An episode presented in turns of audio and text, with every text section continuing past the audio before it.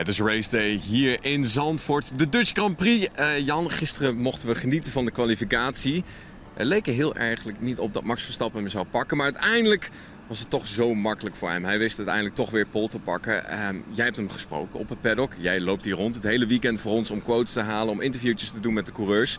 Wat was zijn reactie naar zijn pole position? Ja, hij noemde het een hele tricky kwalificatie. En dat komt natuurlijk vooral door die opdrogende baanomstandigheden. Toen de kwalificatie begon was de baan echt nog kletsnat, maar het werd heel snel heel veel droger. Ja. Nou is de Red Bull is een auto die eigenlijk zo goed op de banden is dat ze niet zo goed zijn op de zaterdag, omdat dan die, die eh, banden in één rond op temperatuur moeten komen. Ja. Dan kan de Red Bull iets minder goed dan bijvoorbeeld de Ferrari en de Mercedes. Helemaal in dit soort omstandigheden, op de Inters, dan heb je gewoon even Red Bull iets meer ronden nodig. Was ook een raar begin van Verstappen, van ik glij alle kanten op, ik heb niks meer snelheid. Ik dacht even, oh, als dat maar goed gaat. Ja, Uiteindelijk is het meer naar goed gekomen, dus uh, ja, weer een hele goede zaterdag voor Max.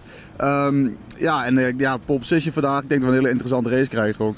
Ja, zijn teamgenoot Sergio Perez die, uh, was toch iets langzamer dan Max. Weer 1,3 seconden. En dat is op een baan als deze toch best wel een ja, verschil. Dat is gigantisch. Daar had uh, volgens mij de teambaas van Mercedes ook nog iets over gezegd, toch? Ja, Toto Wolff die kreeg inderdaad de vraag van uh, wat vind jij nou van dat gat van 1,3 seconden. En hij noemde het ja vreemd, zei hij. Odd noemde hij het. En eigenlijk omdat...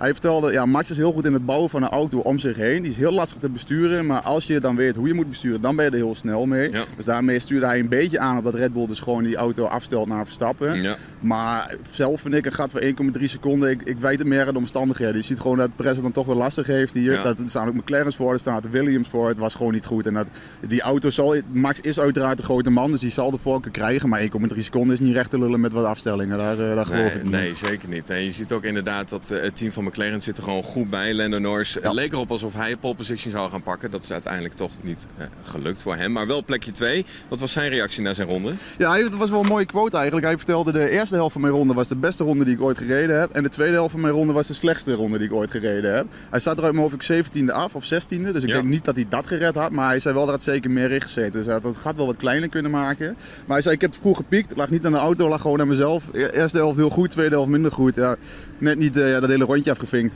Dat heb je soms. Ja, en we moeten ook zeggen, we moeten ook wel echt props geven aan Alexander Albon in ja, Williams. Ongelooflijk. Dat, ja. ja, en ook Sargent natuurlijk. Hè, die wist uiteindelijk als tiende te worden. Uh, hij, hij schoot echt keihard van de baan. Maar ik moet ook wel zeggen, als je de limieten niet opzoekt, dan weet je ook niet nee, wat je kan ja, natuurlijk. Kijk, en als je een Williams hebt en dat ding gaat zo hard hier, dan trap je natuurlijk dat gaspedaal in. Dat, uh, dat zou ik ook doen.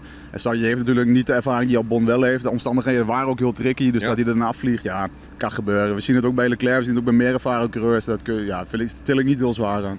Ervaren coureurs, Lewis Hamilton, voor hem ook echt een hele grote domper. Uiteindelijk ja, ja, als dertiende gekwalificeerd. Na Q2 kon hij al zijn spullen pakken en lekker naar huis. Uh, hij had toch wel veel te klagen omtrent de omstandigheden. Natuurlijk regen hè, voor het eerst in Zandvoort, maar ook over de auto. Wat was er nou precies mis met de auto? Ja, dat was wel een gek verhaal eigenlijk. Want hij vertelde in de eerste twee vrije trainingen was de auto top. Alles voelde goed. Na de derde vrije training was dat gevoel ineens weg. En tijdens de kwalificatie waren ze gewoon simpel echt niet snel genoeg, vertelde hij. Dat is wel opvallend, want Russell wordt gewoon derde. Dus dat verschil is heel groot. Nou is het ook wel weer zo, Lewis is geen pannenkoek. Dus als hij zegt de auto was niet snel genoeg, dan was de auto niet snel genoeg, Tuurlijk, dat, dat ja. geloof ik. Maar het is wel raar waar dat er dan maar is zit. Want Russell lijkt er beter mee overweg te kunnen dan Hamilton op dit moment. Ja. Dus ja, het is raar, uh, sowieso een beetje een rare situatie bij Mercedes. Want het ene weekend zijn ze super snel, andere weekend zitten ze toch weer ver, uh, verder eraf. Ze zijn wel de goede weg bij, denk ik. Maar ja, het is wel vreemd om te zien af en toe, ja. Ja, het is wel een team dat elke keer weet te maximaliseren, maximaliseren met de updates die ze meenemen. Ja. Dat zag je nu veel minder. Een ander team, wat ook toch nog wel een domper had... En ik moet zeggen, Charles Leclerc heeft de baan een stuk langer gemaakt, lijkt het wel. Want elke keer bij die Tarzanbocht neemt hij gewoon dat stukje, stukje mee. Maar ook hij had weer een hele flinke crash zijwaarts. Uh, ik vind het toch knap, want dan maak je toch iets meer impact op de auto.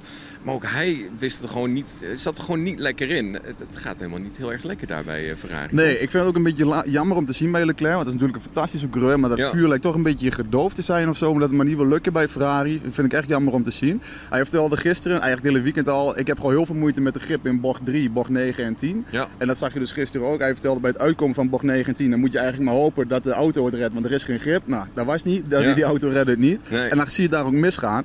Ja, het is gewoon jammer. Dat hij, hij zei echt puur, het ligt aan de auto. Het was gewoon onbestuurbaar, kon er niks mee.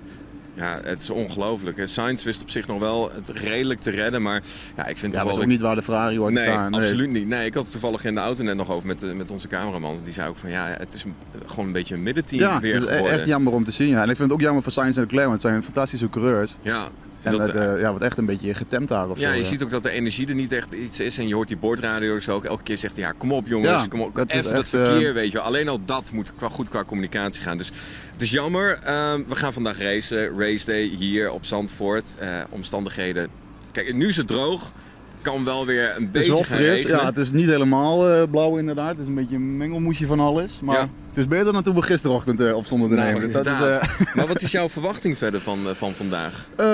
ja, ik denk toch wel dat we, als het droog blijft, verwacht ik dat Max gewoon de race wint. Ja. Het is nou, ik vind het wel steeds achter Max zijn die gevechten echt wel leuk. Met McLaren, Mercedes. Ik ben benieuwd wat, of Alfa Romeo, of Alfa Romeo, Aston Martin ook. Ja. Ik ben benieuwd wat um, Albon kan. Die zal geen vierde worden, maar ik hoop wel dat hij niet te ver terugvalt, te snel. Ja, dat zou ik echt leuk vinden. je misschien ook wel. Ja, verder is het natuurlijk interessant om te zien wat uh, Leon Lawson kan. Start achteraan. Ja. Zal, moet je ook niet geen hele hoge verwachtingen van hebben, maar ik ben wel benieuwd wat hij doet. Ja, en dan denk ik dat we gewoon weer een ontzettend leuke, uh, mooie, mooie feestelijke dag uh, krijgen hier vandaag. Ja, dat denk ik ook. Lawson inderdaad nog heel even inhakend. Um, uh, zijn teamgenoot Tsunoda kreeg uiteindelijk toch een gridstraf. Ja. weet jij een beetje waarover dat, waarover Ja, dus moesten meerdere coureurs moesten zich melden. Tsunoda dus en Stroll ook. Dat ging allebei over het hinderen van Lewis Hamilton. Ja. Stroll heeft daar alleen een waarschuwing voor gekregen, maar die kon niet echt wat.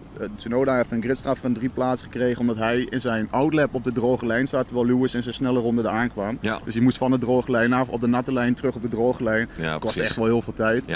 En dan had je nog uh, Sainz, die moest naar de stewards voor dat momentje met Piastri. Toen hij de pitstraat uitkwam, had hij Piastri niet gezien. Dus de Piastri moest uitwijken om een crash te voorkomen. Ja. Daar heeft hij een waarschuwing voor gekregen. En een uh, Ferrari heeft een boete van 5000 euro komen ze goed vanaf. Ja, er ook al een boete voor 100 euro. Die is ook heel pijn voor te hard rijden in de pitstraat. Dus, uh, en ja, vangen ze bijna elk weekend. De boekhouder bij Ferrari is druk. Maar ja, verder is het bij een, eh, bij een waarschuwing gebleven. Dus. Nou, precies. Jan, bedankt. Uh, mensen thuis, wat denken jullie dat er allemaal gaat gebeuren vandaag tijdens Race Day hier op Zandvoort? Laat het allemaal weten in de comments hieronder.